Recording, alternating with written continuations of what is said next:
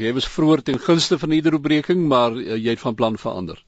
Ek het van plan verander met my navorsing of Instituut vir Grondwaterstudies se navorsing uh in die persone van die lang het gewys dat daar groot probleme met uh ons noem dit fracking is.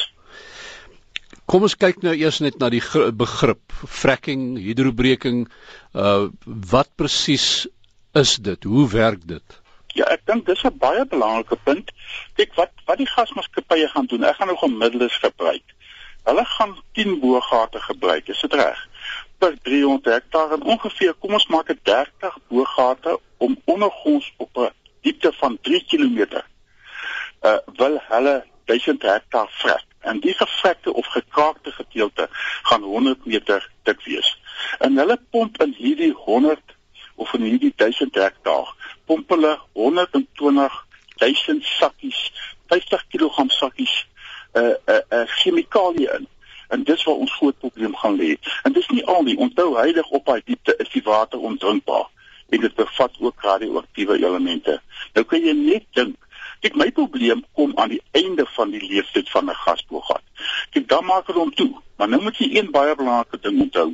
Ons Karoo kom is onder artesiese druk. Dit beteken as jy 'n boorgat boor tot op 'n diepte van 2 of 3 km, dan gaan die water bo uitloop. En daai water wat nou bo gaan uitloop, as jy hom nou, sien maar jy pomp hom nou, soos hulle gaan doen of hulle gaan dat vry vloei, dan daal die druk goed en wel en vir 10 jaar kom daar gas uit. Met ander woorde is 'n baie goedkoop proses. Dan dan wat hulle maak, hulle pop die boorgat met 'n baie baie goeie sement.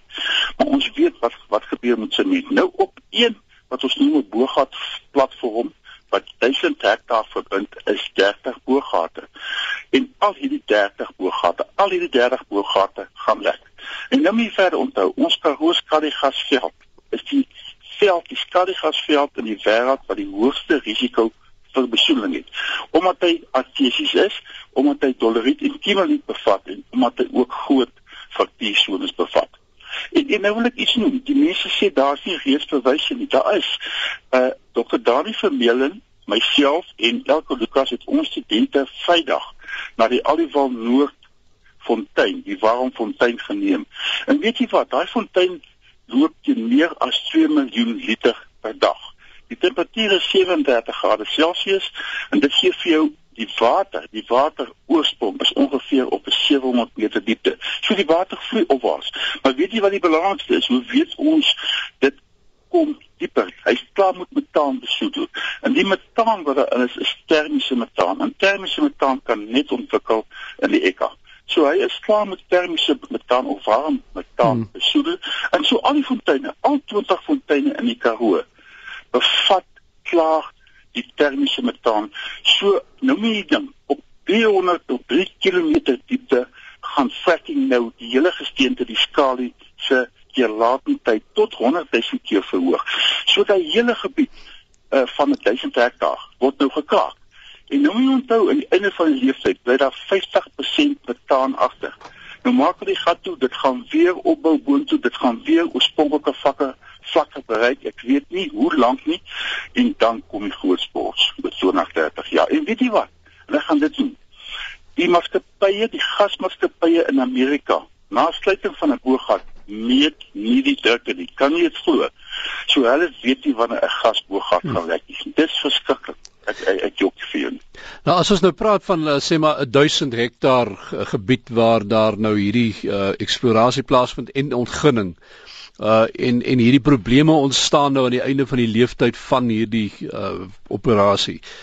Uh, dit gaan nie net daai 1000 hektaar beïnvloed nie. Ek meen dit gaan waarskynlik dan nou baie breër uitkring die invloed daar. Presies. Ons het dolerietplate. Kom ek noem jou voorbeeld. En, en, en dis nog niemand kon ons sê dis verkeerd nie. So meneer Andre Els.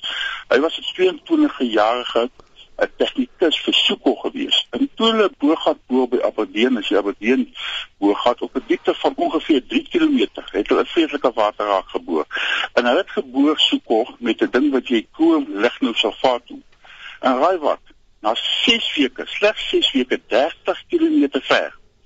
Uh, op vanaf 'n diepte van 3 km het daar kom ligtingsulfaat in 'n boer se fontein verskyn. En, en ek het met Petro SA geskakel. Niemand reprodieer hom nie. Met ander woorde, ek moet aanvaar Andre Els se reg. En en nou wil ek sê, ek ek, ek is bekommerd oor die taakspan se verslag. Die taakspan se verslag moet hierdie punte aanspreek. Hulle moet vir die mense sê daar is reeds 20 warmfonteine in die Karoo wat met termiese betaan metaan besoedel is wat van onder af kom, so daar is klaar 'n ligte besoedeling. En as dit nie hulle verslag staan nie, het hulle het hulle plaaglik misluk. En ek wil vreeslik graag nog iets doen, kan ek? Hm, asseblief. Uh die, die maatskappye en ek wil dit beroep doen op die maatskappye vandag. Ek het weer Vrydag uitsprake gesien.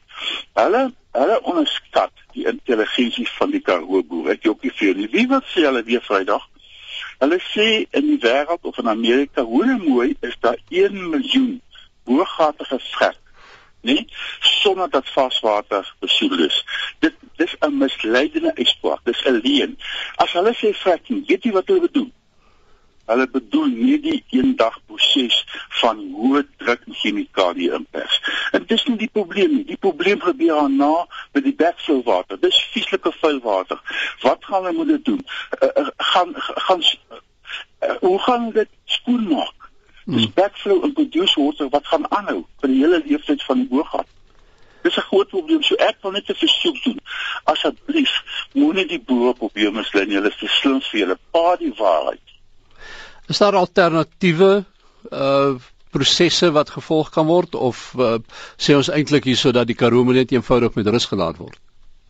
Ja, dis nie wat ek sê nie. Dit die die, die risiko gaan wees die skaal van besoedeling hmm. gaan dit 1% van die area wees. Van die maatskappye het gesê ek mag sê dis 1% hulle beloof my en ek gaan nie naam Michelle sê hulle gaan net 1% van 9 miljoen hektaar vrek en dit gelyk aan 90000 hektaar as dit die waarheid is oor 50 jaar nê beteken net 20 boere gaan voed word want 'n Karoo plaas is 5 5000 hektaar na 10000 hektaar so net 90000 hektaar van die ander twee maatskappye van Velken en Boendo? Ek is baie bekommerd.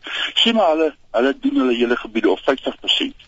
Dan kan jy daai hele 50% van daai gebiede afskryf. En daar's net een oplossing. Nie wat moet hulle doen? Ek ek is teen hierdie opbreking, maar ek is vir eksplorasie. En ek en ek en my kollega by instituut van grondstudies aan die Vrystaat Universiteit, Dr. Dani Vermeulen, ons versoek die maatskappye asseblief, boer vir ons een boorgat. Dis al wat ons vra of die regering moet betaal. Uh, ons moet bewys en ek is seker ons gaan regkyk dat die gate bo gaan uitloop vir die boer of hierdie boorgat dat hy artesiese druk gaan hê. En dan soos Dani sê, dokter Vermeulen sê, kom ons pomp hom. Kom ons pomp hom vir 'n week, net maklik. En dan kyk ons hoe herstel die drukke. En hy het gesê, dan het gesê as die drukke herstel tot dieselfde vlakke, dan is hy teen teen. Dan gaan hy dan stem hy met my saam dan is hy ook teen die doorbreking. Dan gaan hy vaskop teen. En ek weet dit gaan gebeur, maar ek ek is seker hulle gaan nie vir ons die boog gee nie. Hulle is te bang. En so sê professor Gerrit van Tonder van die Instituut vir Grondwaterstudies aan die Universiteit van die Vrystaat